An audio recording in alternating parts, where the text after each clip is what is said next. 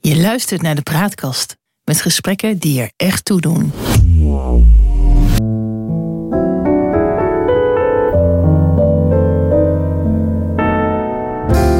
Welkom bij de Praatkast.nl. Dit is een aflevering van het Geheugenpaleis. Mijn naam is John Knerim en samen met Han van der Horst maken we deze podcast.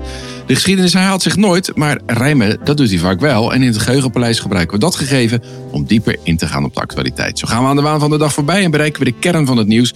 We scheppen orde in de maalstroom van berichten die het zicht op de grote lijn belemmeren. En we ontdekken wat werkelijk belangrijk is. En vaak blijkt dat de werkelijkheid elke fantasie te boven gaat. Italië, daar moeten we het over hebben. Want radicaal rechts heeft de verkiezingen gewonnen. Een blok onder leiding van Fratelli d'Italia uh, is eigenlijk de grootste ja, coalitie geworden uh, van, uh, van Italië. En de partij die wordt geleid door Giorgia Meloni. En zij is een erfgenaam, een politieke erfgenaam van de fascistische dictator Mussolini aan het begin van de vorige eeuw. Han, is er een aardverschuiving in Italië aan de gang of wordt het meer van hetzelfde? Uh, dat is op het moment nog moeilijk te zeggen. Uh, dat ligt eraan wat voor figuren zich uh, in de regering van Giorgia Meloni laten opnemen en hoe die zich gaan gedragen. En ook hoe de drie partijen die tot haar coalitie behoren zullen samenwerken. We moeten even wel een paar dingen zeggen. Uh, ze heeft ja. de verkiezingen gewonnen en ze leidt de grootste partij, maar dat heeft ze een beetje gedaan op de manier van Rutte. Ik wist dat je dat ging zeggen. Net als de VVD ja. heeft ze 25% van de stemmen. Dat is een kwart. Dus ja. drie kwart van de Italianen heeft niet op haar gestemd. En 56% van de Italianen, naar schatting, heeft ook niet op haar rechtse coalitie gestemd. Toch zit het uh, verkiezingssysteem van Italië zo in elkaar met allerlei mengsels van uh, districtenstelsels en um, evenredige vertegenwoordiging, dat ze ja. uh, met die minderheid toch een meerderheid krijgt, zowel in de Senaat als in de Kamer. En dan moet je er ja. ook nog bij weten dat in de Italiaanse grondwet de Senaat dezelfde rechten en bevoegdheden heeft als de Kamer. Dus een regering moet in beide kamers van het parlement wetten er doorheen krijgen. Ze kan overal geconfronteerd worden met amendementen enzovoorts. Ik weet dat ik als, uh, als, als klein jongetje altijd mij daarover verbaasde dat uh, in uh, Italië zo ongeveer elk half jaar een nieuwe regering ja. hebben.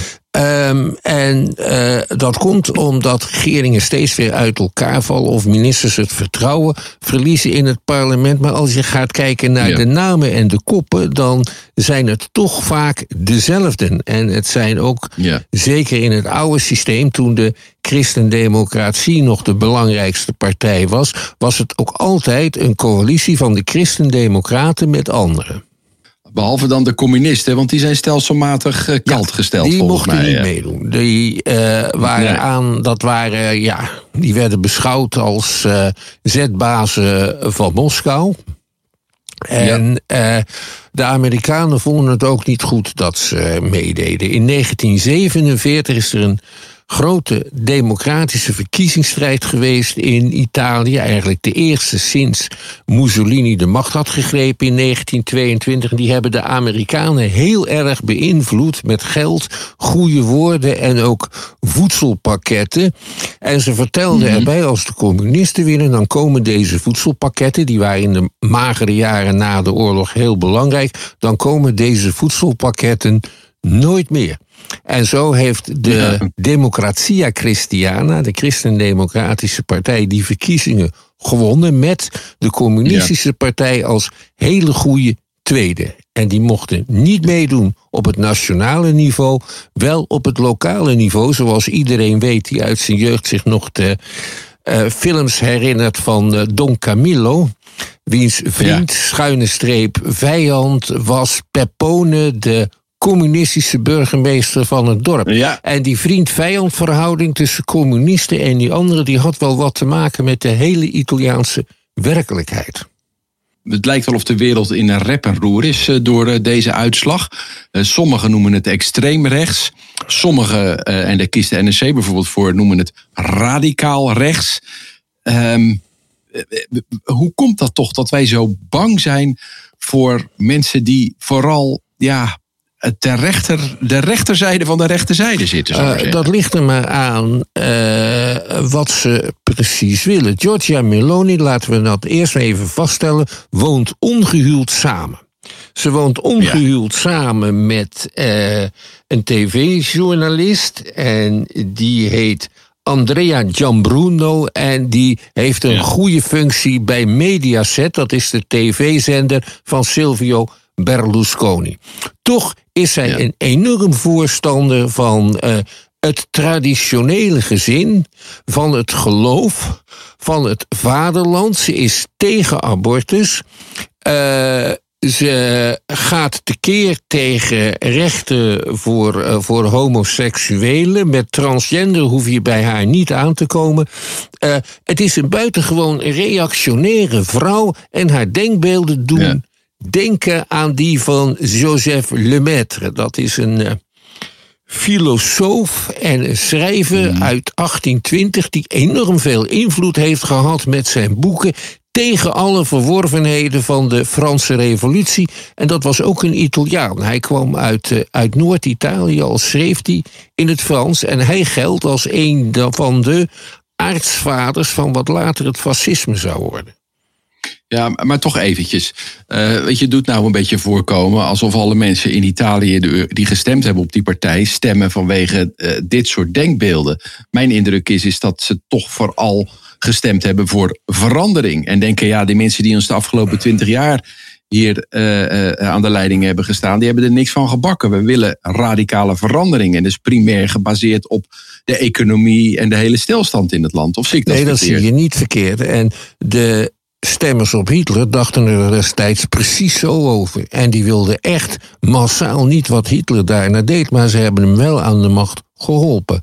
Ja, en, dus dat is wat we een godwinnetje ja, noemen. Weet je, in die end, als we de dan, dan gaat het altijd weer over de Tweede nou Wereldoorlog. Waarom? We, ja, nou en. Ik, de, dat, dat slaat ook elke discussie, intellectuele discussie dood. Als je niet het gewoon op zijn merites ook zou kunnen beoordelen. Wat maakt nu dat deze mevrouw, die, die ultra-rechts is of radicaal rechts is.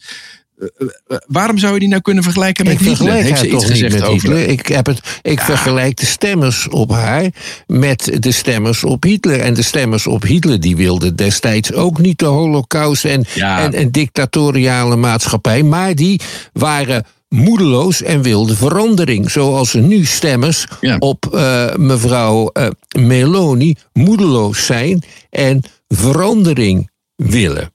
Maar uh, ze krijgen wel waar ze op gestemd hebben en dat is wat telt.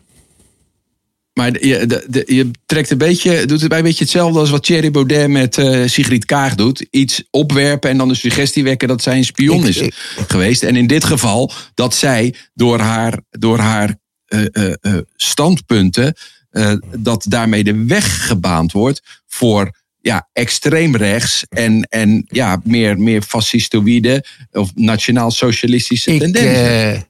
neem het serieus en ik denk dat zij haar beloftes waarmaakt. Ze heeft de geweldige uh, grote toespraken gehouden in de verkiezingsstrijd, waarin het gaat over uh, Italië dat opnieuw op moet staan. En uh, zij blijkt een voorstander te zijn van enorme, enorme kinderbijslagsystemen, terwijl ze aan de andere mm. kant dat de grenzen wil sluiten voor voor immigranten. Dat zijn toch allemaal wel signalen van een, uh, van een bepaalde tendens. Um, een tendens die misschien binnen een paar jaar uh, tot, uh, het politieke, tot de politieke mainstream dat zou, behoort. Dat zou... Ik bedoel, we hebben hier in Nederland Jan, Hans Janmaat gehad. als, als je nu hoort hoe een gemiddelde partij zich uit over de zaken waar ook Hans Janmaat zich over uitte, dan, dan hebben ze hem bijna rechts ingehaald. Uh, nou ja, dat, uh, dat is natuurlijk ook wel zo. En dat is ook een van de redenen waarom deze ontwikkeling zo zorgwekkend is. Ja, maar wat is hier nu zorgwekkend, Han?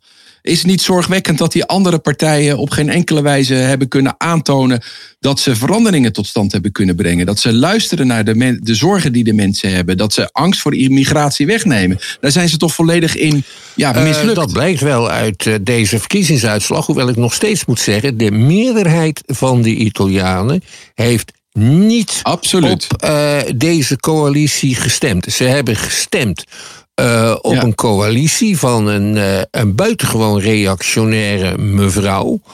Een, uh, een abjecte racist die bovendien vriendjes is met Poetin. Poetin en op Silvio, en op Silvio Berlusconi van de Boonga Boonga Parties. Op die coalitie hebben ze gestemd. Van deze mensen verwachten ze heel redding. Nou, gezellig wordt dat. Ja, dus er gaat Natuurlijk niks veranderen. Gaat er niks veranderen. Ja, want Ze is trouwens al begonnen met een gematigde toespraak te houden. Overigens, dat doen dit soort leiders altijd als ze de verkiezingen gewonnen hebben, omdat ze anders hun huiden niet vrij genoeg hebben. De andere kant zou je ook kunnen zeggen dat die, iemand als Orbán in, uh, in Hongarije natuurlijk ook op deze manier aan de macht is gekomen. En uiteindelijk een totalitair regime heeft gevestigd wat in vergaande mate antidemocratisch is. Ja, inderdaad. En heeft zich al zeer uh, enthousiast uitgelaten over uh, wat er in Italië gebeurd is. Ja. Zij wordt vergeleken, zij zegt als, als zeg maar een politieke erfgenaam van uh, van Mussolini. Benito Mussolini. En dat was een fascist. Nou, dat is ongeveer het ergste scheldwoord wat je iemand kan toewerpen in de politiek. Dat iemand een fascist is.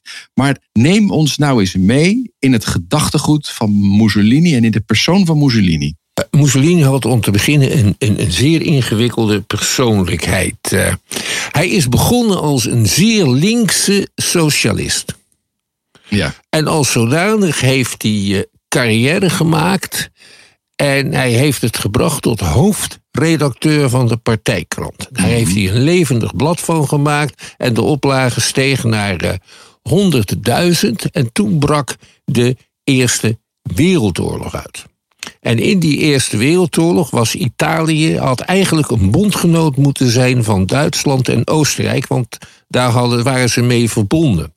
Uh, Eerst bleef het land neutraal en daarna verklaarde het de oorlog aan Oostenrijk-Hongarije, omdat er nog hele stukken die nu bij Italië horen, hele stukken in het noorden uh, van het huidige Italië bij dat Oostenrijk-Hongarije hmm. hoorden. Er vochten ook 80.000 Italiaanse soldaten mee in het eh, leger van Oostenrijk-Hongarije, waarvan er 15.000 sneuvelen en waarvan men zich nu afvraagt wat men met deze slachtoffers precies moet doen bij herdenkingen. Ja, ja, ja. ja, ja. dus uh, Mussolini was een, uh, een voorstander van een Italië waar iedereen die Italiaans sprak bij hoorde.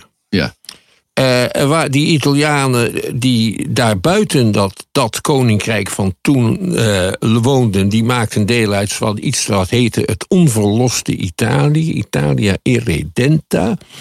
En het was socialistisch volgens Mussolini om die onverlosten ook te bevrijden. Toen is hij uit de socialistische partij gezet. Waarom? Wegens, wegens nationalistische neigingen. Hij heeft van Fiat en een paar wapenfabrikanten daarna geld gekregen om een eigen krant op te zetten. Dat heeft hij gedaan. En die krant die streed voor de oorlogsverklaring door de Italiaanse regering. Die heeft hij ook gekregen. Italië hoort bij de winnaars van de Eerste Wereldoorlog, maar eigenlijk voornamelijk omdat ze aan de goede kant stonden. Want op de slagvelden maakten ze betrekkelijk weinig klaar. Er vielen wel honderdduizenden doden. Ja. Na de oorlog, uh, na de Eerste Wereldoorlog, maakte Italië een periode door van enorme inflatie en later van werkloosheid. En dat leidde tot veel onlusten. En in die onlustenperiode heeft Mussolini zijn partij opgericht. eigenlijk een samenstel van, uh, van knokploegen. waarin oudstrijders uit de oorlog een grote rol speelden. En die heette de Fasci di Combattimento. Ja. En dat Fasci, dat wijst weer terug naar het Romeinse Rijk. Toen hadden hoge ambtenaren lijfwachten bij zich met. Eh, en, met, en die droegen dan een met, ja, met soort, soort, soort rietstengels omwikkelde bijl. Dat was de fasces. Daar komt het woord fascisme vandaan. Ja. En in 1922 was, had Mussolini, nadat hij eerst verkiezingen had verloren overigens steeds, had hij zoveel van deze aanhangers dat hij daarmee een mars op Rome kon houden. Ja. De regering was elk moreel gezag kwijt. De democratische regering onder leiding van een liberale premier Giolitti. Elk moreel gezag was die kwijt. Een beetje zoals nu het, uh, uh, de, het kabinet Rutte 3 krijgt van het electoraat. Ja. Hij kwam aan in Rome met zijn knokploegen. En toen heeft de koning van Italië, Italië was toen nog een monarchie, hem tot premier benoemd. En de rest is history. Nou ja, de rest is history. Hij, hij, hij kwam toen aan de, aan de macht en hij was een, een, een autoritaire leider. Ja. En hij heeft de democratie uitgehold, kan je dat zo Hij heeft zeggen? de democratie eh, vrij snel uitgeschakeld. Hij Ja. is Duce geworden, de leider, de dictator. En hij meende dat eh, hij door zijn mystieke band met het Italiaanse volk eh, de wil van het volk tot uitdrukking bracht. Ja. Dat is de kenmerk van het fascisme. Een ander kenmerk van het fascisme is dat ehm, het individualisme eh, tot verdeeldheid reikt. Iedereen maakt deel uit van het volk. En kan slecht tot zijn recht komen als onderdeel van het volk. En verder hebben patroons, werkgevers en werknemers dezelfde belangen. En daarom zouden zij moeten samenwerken. En het uiteindelijke doel is het grootste, het grootste Italië, de Duce, wijst de weg. Want in zijn mystieke contact met het volk kent hij de volkswil. Het klinkt een beetje als Poetin. Ja, nou, dat is ook zo. Ja, ik heb wel eens gelezen dat, eh, dat, dat hij ook aan een, eh, een bipolaire stoornis leed. En dat hij vooral heel veel in de, in de, in de, de high-fase daarvan, in de manische fase daarvan zat. Dat zou best kunnen. Hij was Ja. ook een enorme vrouwenverslinder. Had heel Ja. veel eh maîtresses. Naast een, een leidzame echtgenote. Hij werd ook steeds gekker. Hij hield bijvoorbeeld kantoor in een enorme zaal waar hij Ja. alleen werkte. En hij wilde daar stilte. Dus Ja. als er dan een vlieg kwam, dan riep hij een bediende die moest de vlieg doodslaan. Anders heerste er geen stilte. Curieus feitje. Hij, zijn manier van spreken, als je nu die balkonscène ziet, dan Ja. moet je daar vreselijk om lachen. Dat komt ook een beetje door de Engelse propaganda uit de Tweede Wereldoorlog, want die hebben de fragmenten waarin hij zich echt vreselijk stond op te, winden steeds meer eh, getoond. En, eh, en die Italianen eh, zoveel mogelijk belachelijk gemaakt. Eh, Ja. Overigens één detail. Al in 1940 hebben, is er een Engelse aanval, een luchtaanval gepleegd op de Italiaanse vloot bij Tarent. En dat was een enorm succes voor de Engelsen. En volgens dat model hebben de Japanners vervolgens Pearl Harbor Oh, uitgevoerd. dat is ook weer een curieus feit. Ja, Ja. Dat is ook weer. Maar goed, dat is, dat is tussen de Eerste en de Tweede Wereldoorlog. Dan Ja. wordt het de Tweede Wereldoorlog. Ja. Want ik hoor nog niks eh, over jodenvervolging. Of eh, Nou, hij, dat- hij, hij is een beetje autoritair. Maar Nou, Joden, hij was niet een beetje autoritair. Het was gewoon een dictatuur. Hij had een grote hoeveelheid politieke gevangenen. Eh, hij heeft wel altijd de levens gespaard van zijn oude linkse vrienden. Bijvoorbeeld Pietro Nenni, die eh, na de Tweede Wereldoorlog nog, nog, bij, nog decennia lang de Socialistische Partij heeft eh, geleid. En Joden vervolgden de, ehm, de nazi's of sorry, volgden de fascisten niet. Er zijn wel wat anti-Joodse wetten ingevoerd in 1939, eigenlijk omdat Hitler dat zo prettig vond. Die zijn nooit zo uitgevoerd. Uh, Mussolini persoonlijk was een enorm fan van het trio Lescano. En dat waren drie Nederlandse meisjes uit Den Haag. Uh, die, die samen uh, grote hits, Italiaanse hits hebben gezongen. Ja. En dat, die waren van Joodse afkomst. Ze zijn ook allemaal ontsnapt tijdens de Tweede. De grote Jodenvervolging is pas begonnen nadat Duitse legers in 1943 heel Italië hadden bezet. En wat gebeurde er toen met, met, met, met Berlusconi, met uh, Mussolini? Uh, nou, Mussolini is in 1943 afgezet ja. nadat uh, de Amerikanen Sicilië hadden veroverd. Samen met de maffia overigens. Die maar... heeft daar grote hulp bij geboden. En um, hij is afgezet door de Duitsers toen? Nee, hij is afgezet door zijn eigen fascistische grote raad. Oh, Oké. En op een berg vastgezet. Ja. Daarna uh, liep de Italiaanse regering over naar de geallieerden samen met die koning. Daarna uh, stuurde Hitler, die voerde een blitzkrieg tegen Italië en bezette een groot deel van uh, Italië tot diep in de laars. Vervolgens werd uh, door een actie van de SS met vliegtuigen Mussolini bevrijd uit zijn berggevangenis. Spectaculair. En daarna tot president gemaakt van iets dat heette de Italiaanse Sociale Republiek. Maar daarna was hij in feite een, uh, een werktuig geworden van de Duitsers. Hij had geen eigen macht meer. Nee. Bovendien kwam er in Italië toen een hele reeks verzetsbewegingen op. En hoe is die aan zijn einde gekomen? Uh, hij wou naar Zwitserland vluchten in 1945, viel in handen van, een, van communistische partisanen. Die hebben hem vermoord en hem met, samen met zijn maîtresse, Clara Petacci, en ze zijn daarna aan een benzinepomp opgehangen in Milaan, omgekeerd. Onderste, ondersteboven, ja, dat is een hele, hele beroemde foto. Dat, is dat, ja, ja. heel beroemde foto. Ja. En dat heeft Hitler nog gehoord. En dat is een van de redenen waarom hij zelfmoord heeft gepleegd. Oh, die dacht, dat moet mij niet gebeuren. Nee, precies. Ja. En, en wat is dan, wat, wat zeg maar, als we dan weer even de, de, de verbinding met het heden maken, die Giorgia Meloni. Wat, wat vindt zij dan zo aantrekkelijk aan het fascistische verhaal? Uh, zij is op haar zestiende lid geworden van de fascistische jeugdbeweging. He, dus in tegenstelling tot, uh, tot in, uh, in Duitsland is het fascisme in Italië altijd blijven bestaan. Ja. Na de, het eind van de Tweede Wereldoorlog werd daar een democratisch systeem ingevoerd. En uh, daarin zat een kleine partij, dat was de Movimento Sociale Italiana, de Italiaanse sociale beweging. En dat waren de neofascisten. En dat was gewoon een onderdeel van de politiek. Daar deed je geen zaken mee, net zoals je geen zaken deed met de communisten. Zij voelde zich daartoe aangetrokken. Zij voelde zich aangetrokken ja. tot de jeugdbeweging. En hoe heeft ze daar dan, wat heeft ze daar dan over gezegd uh, later?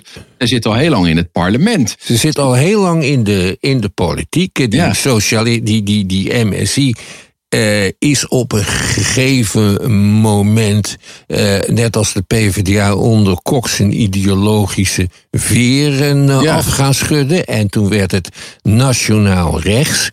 En Meloni is leidster van een afsplitsing, van een rechtse afsplitsing van dat nationale recht. Dat heet de Fratelli d'Italia, de Broeders van Italië. En zo heet ook de, het Italiaanse volkslied. Dus je moet je voorstellen, wij krijgen hier in Nederland de Wilhelmuspartij. is ja. geen eens een slechte titel. Nee, dat lijkt mij ook niet. Uh, maar zou je kunnen zeggen dat zij uh, ondemocratisch is en een dicta dicta dicta dictatorship, hoe zeg je dat? Een dictatoriaal regime uh, nastreeft? Uh, dat, uh, dat weet je niet, maar uh, zij heeft denk ik nooit geleerd in, haar, in, in, haar verleden dat democratie een geweldig systeem is. Anders dan sluit je toch niet aan bij de fascistische jeugdbeweging, die trouwens ook nog behoorlijk gewelddadig was. Ja. dus je kunt dat wel wantrouwen. Ja. Dus daar moeten we wel op letten of ze niet een Orbaan-achtige ontwikkeling gaat doormaken dan. Ja, en als ze daar de kans voor krijgt. Want Orbán heeft, uh, had in, in Hongarije na zijn eerste overwinning een veel stevigere positie dan deze mevrouw. Die rekening moet houden met de concurrent Salvini. Ja. Uh, die ook een persoonlijke bloedhekel aan heeft, want ze kunnen niet met elkaar overweg.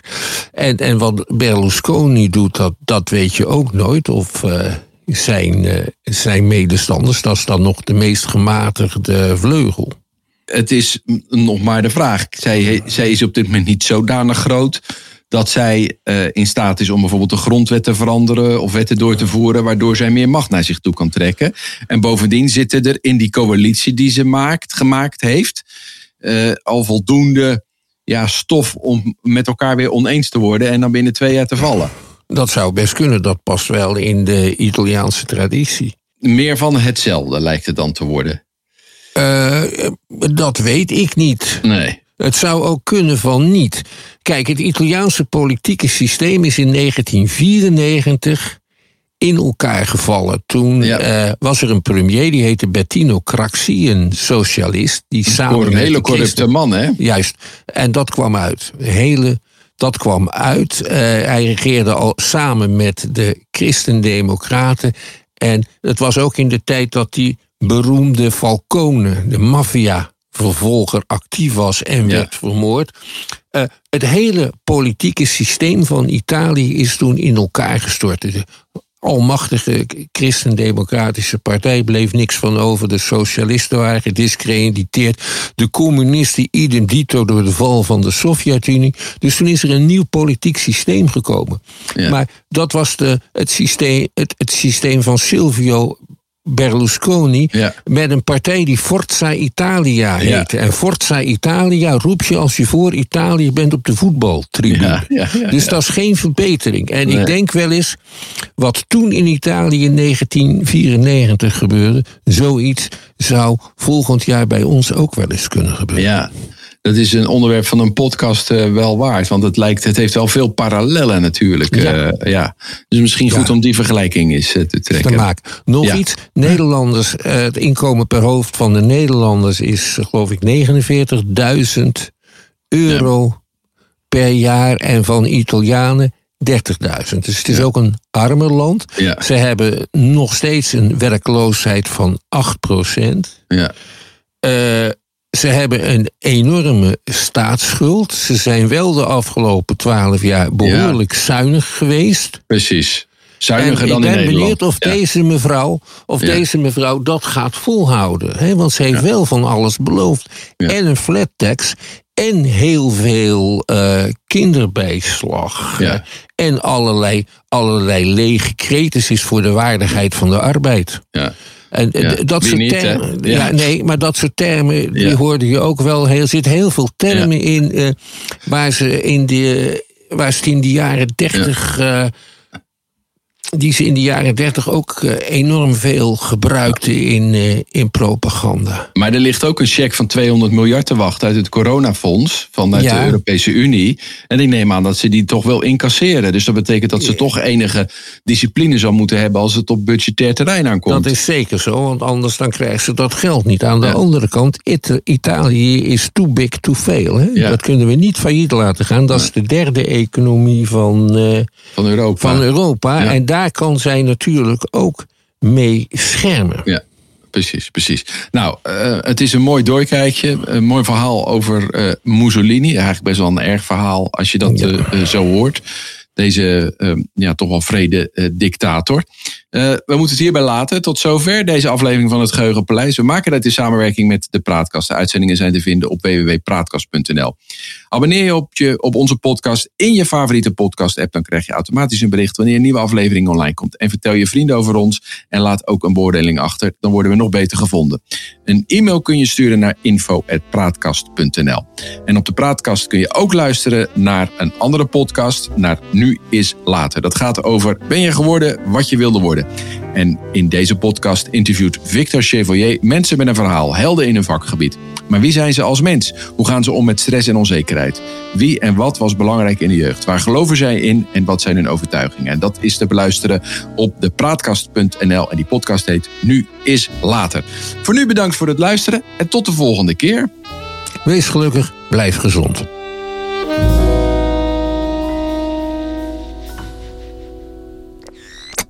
De Praatkast.